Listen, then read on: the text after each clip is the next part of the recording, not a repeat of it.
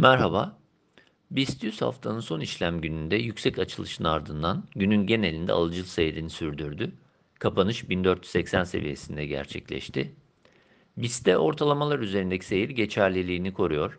Yukarı harekette ilk aşama seviye olarak belirttiğimiz 1450-1465 bandının geçilmesi sonrasında yeniden güç kazanan yükseliş eğilimi ile direnç bölgesi olarak belirttiğimiz 1480 bölgesine gelinmiş durumda.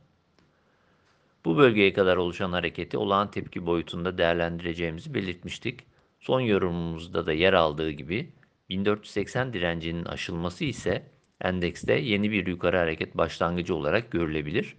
Bu tür bir harekette endeks için yeni seviyeler sırasıyla 1515 ve sonrasında 1570-1600 bandı olabilecektir.